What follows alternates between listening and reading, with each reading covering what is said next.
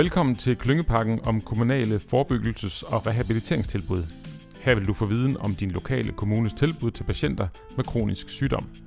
Du vil få viden om dine kollegaers oplevelse med de kommunale tilbud, og du får mulighed for at møde repræsentanter for kommunen og diskutere samarbejdet mellem praksis og kommunen.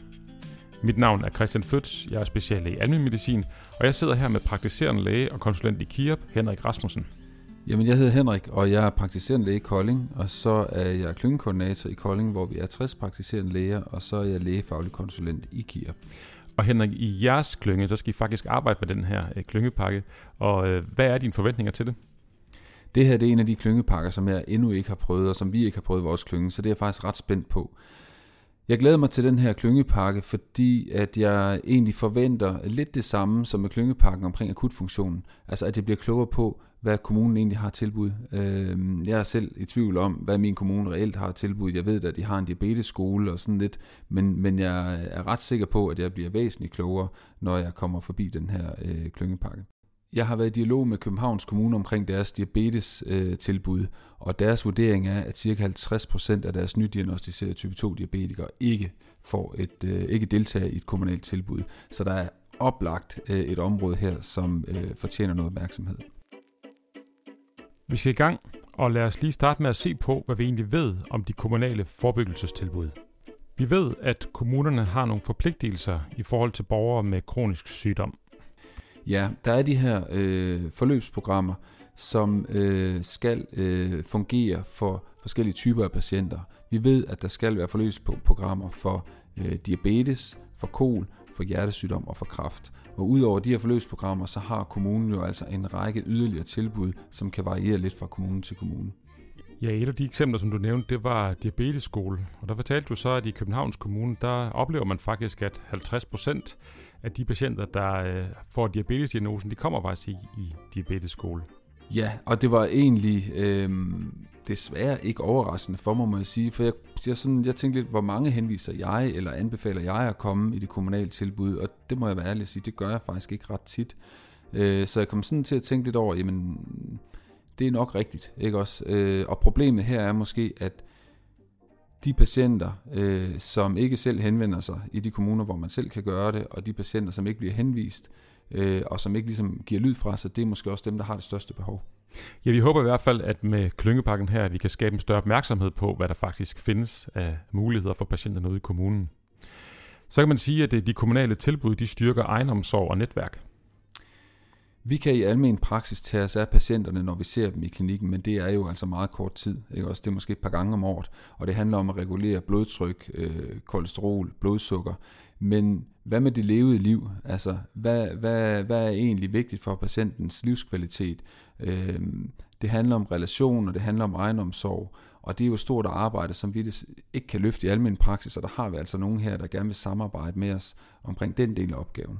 Og som vi skal høre et interview senere i podcasten her, så, øh, så når man kommer ud i kommunen, så interesserer de sig jo ikke for behandling. Øh, så interesserer det faktisk mere for det liv, som patienten skal leve med den sygdom, som, som patienten har fået. Det er meget spændende øh, lige præcis det her, fordi jeg fik ligesom blik for, da vi... Komme til at kigge på det her, at vi kigger jo meget på det, der handler om sundhed og behandling, og hvor kommunen har et andet blik, de har faktisk et fokus, der handler om livskvalitet og sundhed. Så det er sådan øh, to vinkler ind i den samme problemstilling, men grundlæggende handler det jo om at understøtte patientens trivsel og patientens sundhed. Og noget af det andet, øh, vi ved, det er også, at de patienter, der ikke selv spørger om hjælp, det er ofte de mest sårbare. Der er faktisk et fokusområde her. Jeg, jeg var i dialog med Steno Diabetes øh, Center Odense, hvor vi netop talte om det her, og jeg fortalte jo glad, at øh, i min kommune behøver vi ikke at henvise, så det lærer bare diabetespatienterne selv om.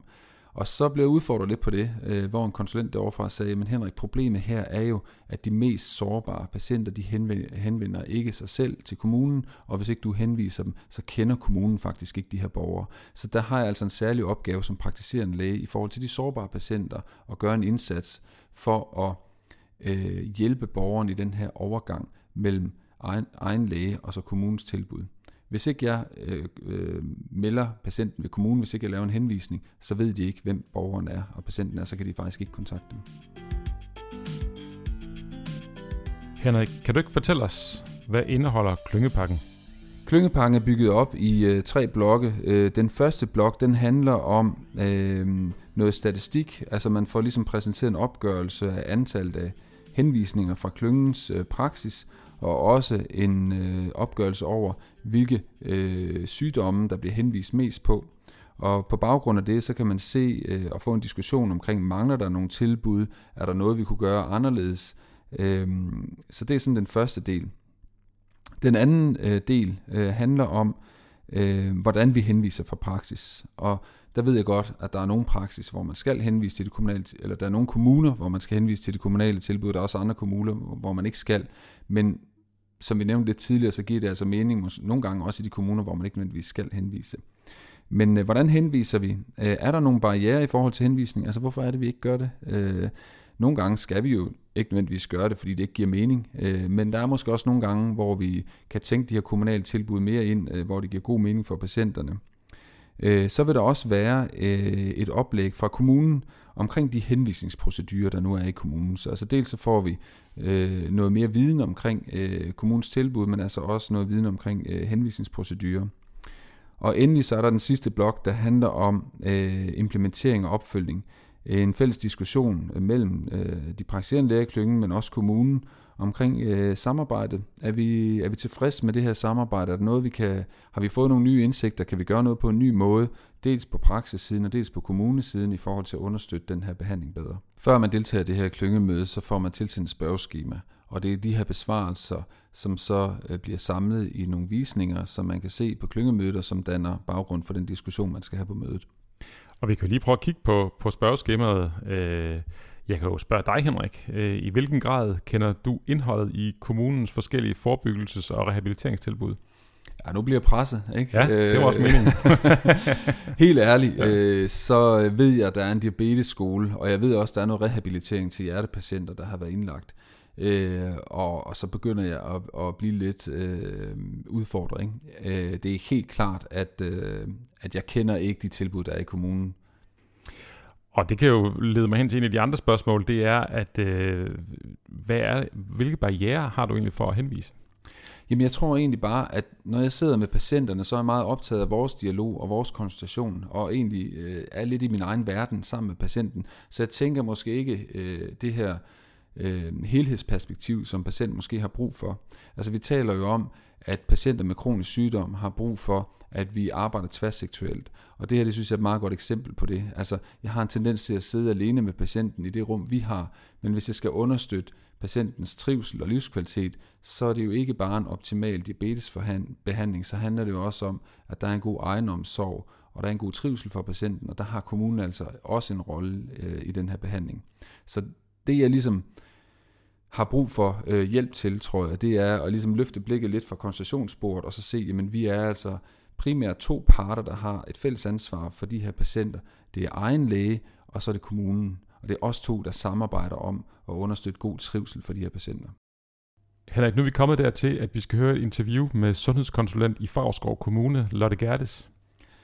Det bliver spændende at høre hende. Vi har jo fokus på sygdom og behandling i praksis, og nu skal vi høre lidt om, hvordan de tager øh, vurderingen af, af tilgangen til patienten, der handler mere om livskvalitet og sundhed ude i de kommunale tilbud.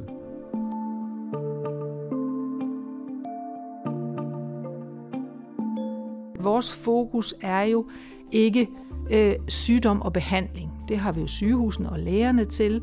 Øh, vores fokus er at hjælpe borgeren til at finde balancen mellem det gode liv og det sunde liv. Vi er taget en tur til Favrskov Kommune. Lotte Gertes, som du hørte her, er sundhedskonsulent. Det er sådan en som Lotte, som vores patienter kan møde, når vi henviser dem til et kommunalt forebyggelses- og rehabiliteringstilbud. Jeg hedder Lotte Gertes, jeg er sundhedskonsulent i Favrskov Kommune, og min øh, monofaglige baggrund er diætist, og jeg er så en del af sådan et tværfagligt team, hvor vi er diætister og sygeplejersker, fysioterapeuter osv. Som noget lidt specielt, lige præcis for Favrskov Kommune, har man valgt at tilbyde patienterne et modulbaseret tilbud. Det vil sige, at hvad enten patienten kommer med diabetes, kol, depression eller noget helt andet, vil man kunne strikke et forløb sammen fra nogenlunde samme buffet som udgangspunkt så får de øh, samme tilbud. Det er et modulbaseret helhedstilbud. Øhm, så hvis du forestiller dig, at det ligesom er Lego-klodser, så kommer borgeren, borgeren bliver enten henvist, eller henviser sig selv. De kan jo sådan set bare tage telefonen og ringe til os, øh, eller bliver henvist internt fra, fra læge, eller læge og sygehus og så videre. Øh, så får vi den øh, henvisning, og så har vi tre dage til at kontakte borgeren øh, og invitere til en samtale. Og formålet med den samtale, det er jo så at høre, hvad har borgeren på hjerte, fortælle om, øh, om deres øh, baggrund og det, der fylder i deres liv. Og så fortæller vi om sundhedstilbuddet. Og efter det, så beslutter de, og kun de, om øh, de har lyst til at benytte sig af vores sundhedstilbud. Generelt er der sat god tid af til samtalen med patienterne, når de kommer i et kommunalt sundhedstilbud. Den seneste øh, borger, jeg har haft samtale med, hun kom på baggrund af diagnosen øh, øh type 2-diabetes. Og det, som hun øh, efter vores øh, samtale endte med at vælge som sit forløb, det var øh, undervisning i øh, mestring i forhold til at lære at leve med kronisk sygdom. Hun valgte et modul, der hedder vaner og forandringsprocesser, fordi hun gerne ville øh, tabe sig og i gang med motion. Øh, hun valgte også øh, søvnvejledning.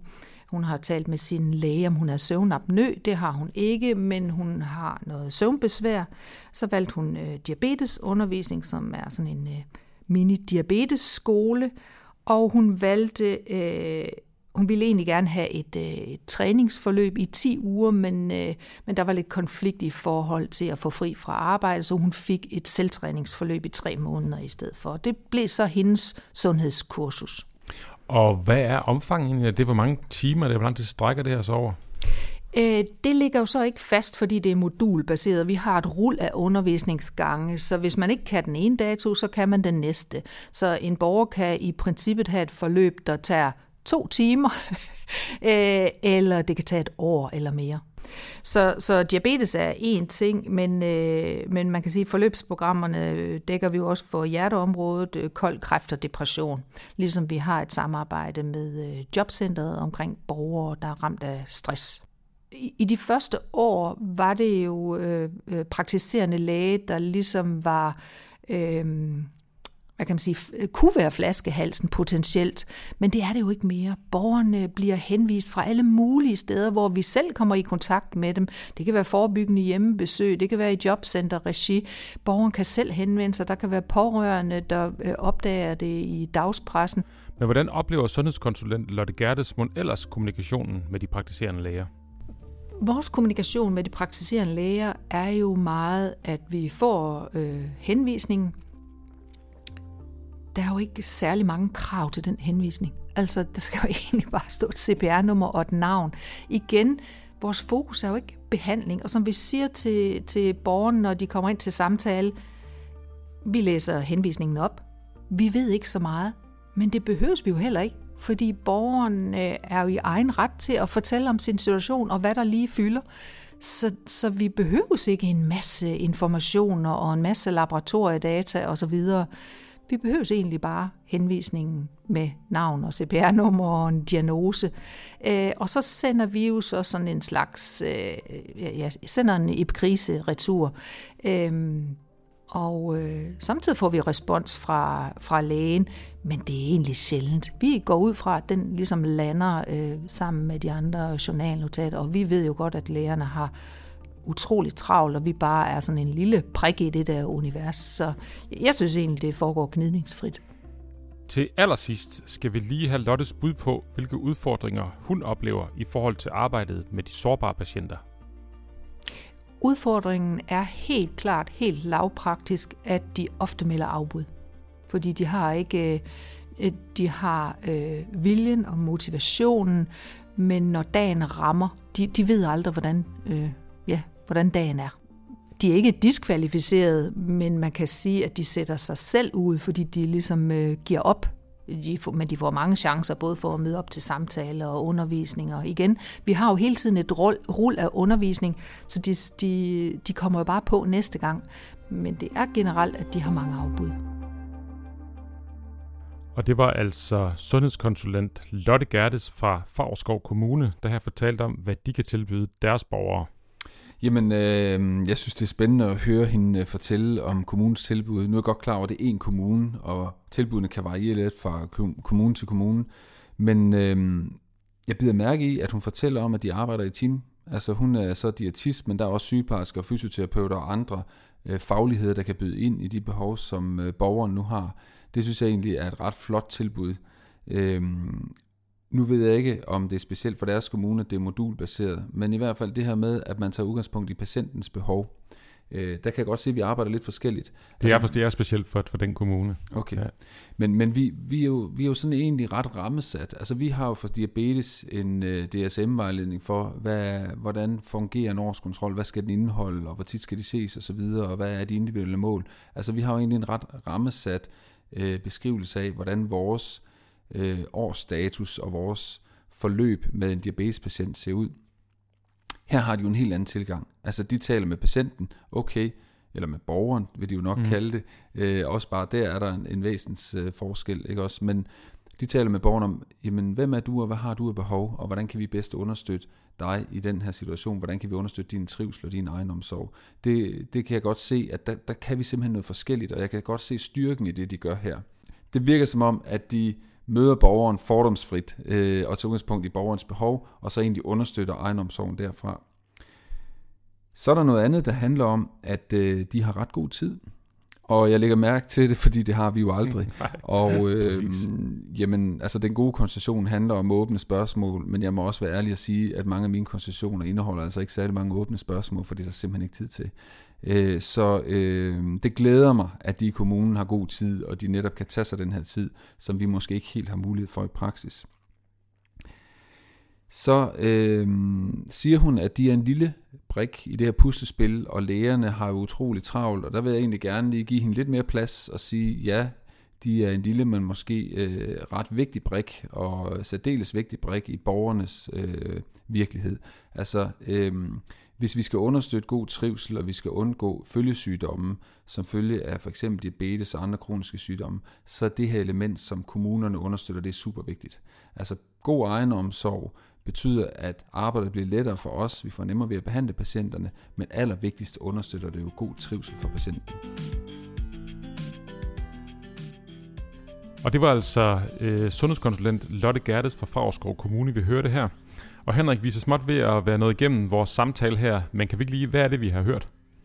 Dels har vi jo hørt noget om, hvad selve klyngepakken indeholder, altså hvad man kan forvente øh, ved deltagelse i klyngemødet. Og øh, i det, der ligger jo det her spørgeskema, man får tilsendt først, og de her besvarelser, dem gennemgår man altså på selve klyngemødet, så man får et indblik i, hvordan er vores henvisningsmønster i vores klynge, og hvad oplever vi af barriere, hvad fungerer godt, hvad fungerer mindre godt, og vi kan få en, øh, en dialog øh, sammen med kommunen omkring det her. Udover det, så får vi altså en beskrivelse øh, af selve øh, kommunens tilbud, og endelig så øh, har vi snakket her øh, med en konsulent øh, fra et sundhedstilbud i en kommune, hvor vi bliver lidt klogere på, hvad er det egentlig kommunen tilbyder. Så jeg tænker, at øh, samlet set så får vi en viden om, hvordan vi forbereder os, hvordan vi deltager i klyngemødet, og hvad vi kan ende med at få ud af det til sidst. Og Henrik, jeg ønsker dig et rigtig, rigtig godt klyngemøde, når I skal i gang. Tusind tak til dig, Henrik Rasmussen, praktiserende læge i Kolding, og medlem af Kulklyngen og konsulent i KIOP. Selv tak.